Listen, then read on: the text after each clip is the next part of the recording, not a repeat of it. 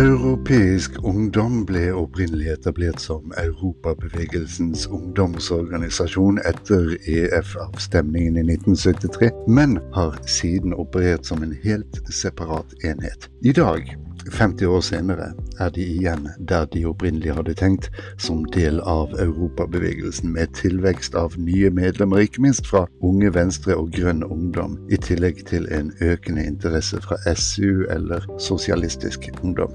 I denne episoden av 12 minutter Europa har vi besøk av Europeisk ungdomsleder Kristine Mek Stokke og generalsekretær Katinka Kolås Ekman. Episoden ble spilt inn 2. mai, før flere store partilandsmøter, så her må vi nesten ta forbehold om at enkelte premisser siden er endret. God fornøyelse. Det er nok mange som går rundt og forestiller seg at Europeisk ungdom er eh, Europabevegelsens ungdomsorganisasjon, men det stemmer vel ikke helt. Og Katinka og Kristine, er det en av dere som kunne tenke seg å fortelle oss eh, hvordan det egentlig har seg, og hvorfor det er sånn? Absolutt. Eh, nå har vi jo faktisk formelt blitt eh, Europabevegelsens ungdomsorganisasjon. Vi hadde jo landsmøte forrige helg, altså ikke helgen som var nå, men før der igjen, i april. Eh, og da vedtok vi faktisk å vedta vedtektsfeste at vi er bundet til europabevegelsen rent formelt. Eh, men det har jo vært veldig mange år da hvor vi ikke har vært det, og helt egentlig frem til nå da i 2023. Eh, og det er kanskje litt, eh, litt rart, for vi har alltid vært veldig synkronisert. Og vi, har, vi, deler jo kontorer, og vi har spilt veldig mye på hverandre opp igjennom. Jeg f.eks. som leder sitter jo i Europabevegelsen sitt sentralstyre. Vi har en fast delegasjon til deres landsmøte. Vi har jo på alle måter praktisk vært ungdomsorganisasjonen, eh, bare ikke rent på papiret. Eh, og det handler nok om, om, flere ting. Vi har veldig ulik drift, f.eks. Eh, Europabevegelsen har et større sekretariat. Der er ikke kanskje det, det, sentrale styret så involvert i den daglige driften. Mens vi er jo helt motsatt. Der er det jo styret som er egentlig den daglige driften. Eh, vi har ulike selvfølgelig medlemsmasser, vi har ulike typer arrangementer. Eh, så det har nok vært både litt det, og også med at man ønsker å holde økonomi og drift separat. da. Eh, men vi har jo alltid hatt et veldig godt samarbeid, og i 1973 når vi ble stiftet, så ble vi jo stiftet som Europabevegelsens ungdom. Så vi har jo alltid hatt, kall det intensjon om å være det, men man har på en måte av ulike grunner og sikkert noen tilfeldigheter også valgt å ikke knytte seg formelt, da. Men det er vi jo nå, så det er vi veldig glad for. Vel, så oppdatert var jeg. Men dere, til høsten er det altså 50 år siden Europeisk ungdom ble etablert, eh, som du selv var inne på nemlig kort etter eh, folkeavstemningen om norsk EF-medlemskap i 1973. Så da vet vi i alle fall såpass. Men kunne dere sagt litt om hvem dere er, og hva det egentlig er dere holder på med? Ja, Vi er jo en, en tverrpolitisk ungdomsorganisasjon, en interesseorganisasjon. Og vi, vi, jobber jo egentlig for å lobbe EU-saken i Norge. Det er jo det vi gjør. Eh, og vi er veldig tverrpolitiske. Eh, det er utrolig gøy. Eh, og det betyr at vi har folk fra helt egentlig fra SU, altså Sosialistisk Ungdom, helt til Frp og FPU, som er medlemmer hos oss. Um, og det er både en stor, stor styrke, og så fører det av og til selvfølgelig til litt uenigheter internt.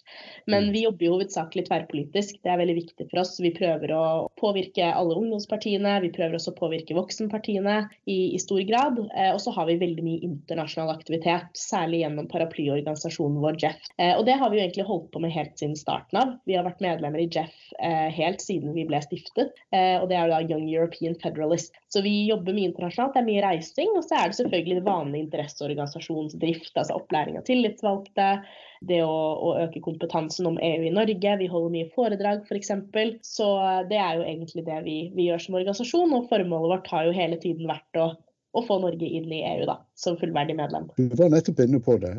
Rent sånn politisk favne der er veldig vidt og bredt. Eh, så det er jo ikke til å komme forbi at medlemsmassen kanskje består av unge mennesker av vidt forskjellig politisk oppfatning. Men likevel så er dere altså skjønt enige om akkurat denne ene saken her. Er det et problem, eller er, eller er det virkelig en styrke for det arbeidet dere driver med? Eh, jeg syns det er hovedsakelig er en styrke. Eh, det skaper jo et samhold rundt den ene saken vi er enige om. da. Eh, og gjør at vi jobber veldig hardt og målretta mot akkurat det. Og jeg tror nok um, det at vi er såpass forskjellige, gjør også at vi får en ganske sånn stor krasj av ulike kulturer, ulike organisasjonskulturer. Vi er jo på mange måter for veldig mange en sekundærorganisasjon. Og det gjør jo at de først to fremst hovedsakelig er aktive i et parti eller en annen ungdomsorganisasjon. Og så har de på en måte EU-saken litt på siden og syns det er veldig spennende og komplementerer det politiske arbeidet de ellers driver på med ganske godt. Eh, og det gjør jo at vi får en utrolig sånn spennende miks av ulike egentlig partikulturer og også organisasjonskulturer som på en måte havner hos oss. da. Um, og, og, først og fremst så er det jo en styrke, det vil jeg absolutt si. Vi har lite store måte, uenigheter internt om, om, veldig grunnleggende ting. Men av og til så kan det føre til litt sånn organisatoriske uenigheter. F.eks. så er noen vant til at uh, benking er veldig vanlig på et landsmøte, men det er kanskje ikke andre enige i. Eller noen er veldig vant til at uh, her har man en del alkohol, eller det er ganske vanlig å ta en øl. Mens i noen organisasjoner så, så finnes det jo ikke alkohol. Uh, så vi har jo noen diskusjoner som går litt frem og tilbake. i internt. Eh, og det varierer også ut fra hvem som er aktive når, da. Og, og, litt også hvem som er leder eller sitter i ledelsen. Og det følger veldig personer, da. Det er veldig personavhengig. Mm. mm. Men i veldig mange år nå så har jo ikke EU-medlemskap eh, vært det som har ligget lengst fremme i folks bevissthet. Eh, og det gjenspeiles kanskje også i medlemstallene deres. men det var jo ikke sånn på 1990-tallet, da Europeisk Ungdom var blant de største ungdomsorganisasjonene i landet. Er dere veldig klare for en reprise på den kampen som ble ført den gangen? Uh, ja, det håper jeg nå at vi er. Uh, vi håper jo også å snu skuta litt og uh, få den samme veksten da, som europabevegelsen har opplevd de siste årene. Vi merker jo på mer interesse rundt EU-saken og invitasjoner til forskjellige medier. Kristina har jo vært i debatten nå to ganger. Mm. ja. Mm. Det er jo Jeg tror nok ikke at man vil klare å bli like store som det man var på 1990-tallet. Fordi man ser generelt i alle ungdomspartier, alle ungdomsorganisasjoner, at organiseringen og på en måte antall medlemmer har gått veldig ned. I dag så er jo en av de største ungdomsorganisasjonene er jo AUF, og de har vel litt over 5000 eller 6000 medlemmer. Eh, og det er jo veldig lite i forhold til hvis man ser på de samme partiene på f.eks. 90-tallet. Men vi håper jo at vi, vi, kommer til å klare å på måte, holde på den massen vi har i dag, og så utvide oss enda mer jo flere partier som blir mer positive til EU. Vi har f.eks. fått inn en del fra Grønn Ungdom nå i det siste, etter at MDG har nå begynt å snu, og forhåpentligvis snur. Eh, fra Unge Venstre har det alltid vært veldig sterkt og veldig mange aktive. Katinka er jo også bakgrunn bakgrunn fra Unge Venstre. Eh, Unge Høyre, hvor jeg selv har bakgrunn fra, har alltid stått veldig sterkt. Men vi ser jo også mer interesse nå fra f.eks. Sosialistisk Ungdom. Eh, så vi ser jo at, uh, at, det kommer, og jeg håper jo virkelig at vi klarer å, å komme oss på et eh, godt nivå, sånn at vi er klare for å ta den EU-kampen altså når den kommer, enten om det er i form av et stortingsvedtak eller en folkeavstemning. Du nevnte Grønn Ungdom. og um det bringer meg i tanke om eh, det neste spørsmålet, som handler om eh, prisen Årets europeer. Tradisjonelt har jo den prisen gått til enkeltpersoner, men de siste årene har dere utnevnt organisasjoner, til og med land faktisk, som eh, Ukraina. Og i år gikk den prisen til, til Grønn Ungdom, Miljøpartiet De Grønnes ungdomsorganisasjon. Kunne du sagt litt om Hvorfor? Nei, det er jo fordi at de eh, endelig sa ja til EU, ja til europeisk eh, samarbeid. Og det er vi jo veldig glad for. Så da følte jeg at de eh, fortjente den prisen. Da er det viktig at vi gir dem litt oppmerksomhet og, og roser dem, da.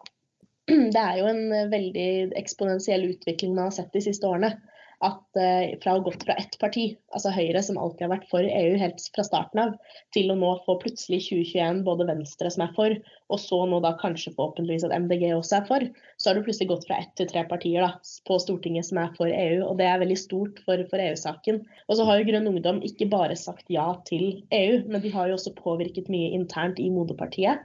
Eh, som forhåpentligvis er et, da, et resultat som vil komme nå i løpet av mai, når de har landsmøte. Eh, og så har de også bidratt til en ganske god og opplyst EU-debatt. Det har ikke vært skyttergravskrig innad i Grønn Ungdom. De har hatt en veldig sunn EU-debatt om hvordan de skal forholde seg til EU-medlemskap. Eh, og Det er noe som vi vil oppfordre på en måte alle partier til å, til å ta. Eh, også f.eks. i Arbeiderpartiet, hvor det er ganske store uenigheter. Og at man håper at de kan sette en, en trend da, for at de andre partiene også tør å ta den debatten uten stor polarisering. Prisen ble jo uh, utdelt på, på landsmøtet til Europeisk Ungdom nå i april. Um, der mange andre saker også var oppe til diskusjon. Er det noen spesielle saker dere har veldig lyst til å trekke frem? Vi hadde jo en eh, debatt om eh, euro. eh, om Norge ved et medlemskap i EU skal ha euro eller ikke. Og det var vekket et veldig engasjement da, som endte i det at vi ved en senere anledning vil gå inn i eurosonen, noe likt som Sverige har. Ja, det var veldig mye delte meninger. Og det er også si, helt naturlig, for det er et veldig komplisert tema. Og det er et tema som også vekker mye følelser hos folk. Eh, og vi hadde en veldig god debatt rundt det. Det var en veldig altså, grundig debatt med veldig mange ulike perspektiver. Og vi har jo flere internt som studerer både økonomi og noen som gjør politikk. Og man har fått veldig mange spennende vinkler på det. Eh, så som Katinka sa, så endte vi opp med en sånn type svensk løsning. Men jeg er veldig glad for at vi tok den debatten og, og på en måte fant et kompromiss internt. da. Og ellers så, så, har vi jo diskutert en del andre spennende saker også. Eh, bygge på litt det med euro, så har vi jo f.eks. vedtatt at vi ønsker at norske studenter i som studerer i EU-land hvor de bruker euro, at de kan f.eks. få utbetalt studiestøtte i euro. Eh, og Det er noe som særlig med kronekursen nå, sikkert mange nordmenn vil, mange studenter vil spare en del penger på. Da. Så Det er nok eh, hoveddebatten som det gikk i. Ellers er det jo mange andre så mindre spennende, spennende vedtak som vi har gjort, på alt fra kjernekraft til klima- og energikrise og store, store temaer. Men dere, hvis det skulle sitte noen som hører på dette, som skulle bli fristet til å melde seg inn europeiske europeisk ungdom. For det første, hva kan de vente seg, og hvordan går de frem? Først og fremst vil jeg anbefale de å gå inn på våre splitter nye nettsider, som akkurat har fått en hele om, omveltning og virkelig blitt oppdatert og veldig freshe og fine. Og Der ligger det en sånn bli medlem-knapp, som det er veldig enkelt å gjøre at man melder seg rett inn. Og så vil jo jeg eller Katinka kontakte de og, og få de litt med på aktiviteter. Men det man kan vente seg, er jo en utrolig engasjert medlemsmasse som virkelig har lyst til å snakke om mye av de dagsaktuelle sakene og sette EU på dagsordenen i Norge. Eh, og så har vi, ulikt kanskje mange andre ungdomsorganisasjoner, så har vi jo veldig mye internasjonal virksomhet. Så det er veldig stor sannsynlighet for at man får lov til å være med på internasjonale turer. Altså både studieturer til, til Brussel, til Tyskland, til Frankrike. Eh, også en del i Øst-Europa. Vi har jo hatt prosjekter der tidligere, før krigen. Så man kan absolutt vente seg veldig mye spennende og variert opplegg. Husk det altså, europeiskungdom.no europeisk ungdom i ett ord. Tusen takk for denne gang, og en stor takk til Katinka og Kristine, som brukte av sin dyrebare tid for å prate med oss i 12 minutter Europa. Ansvarlig redaktør er Fredrik Mellem, og jeg heter Jarle Petersson. Vi snakkes. Bare en kjapp redaksjonell presisering i fall du skulle stusse over hvordan Jeff kan være forkortelse for Young European Federalists, og forklaringen den er enkel. Jeff, eller Jeff, står egentlig for Jeune Européen Federalist på fransk. Så enkelt, og likevel så vanskelig. Husk å abonnere på podkasten, så får du et varsel når vi slipper nye episoder. Og eh, ikke glem å følge Europabevegelsen og 12 minutter Europa i de sosiale mediene. For eh, som vi alle vet, det kan aldri bli nok Europa.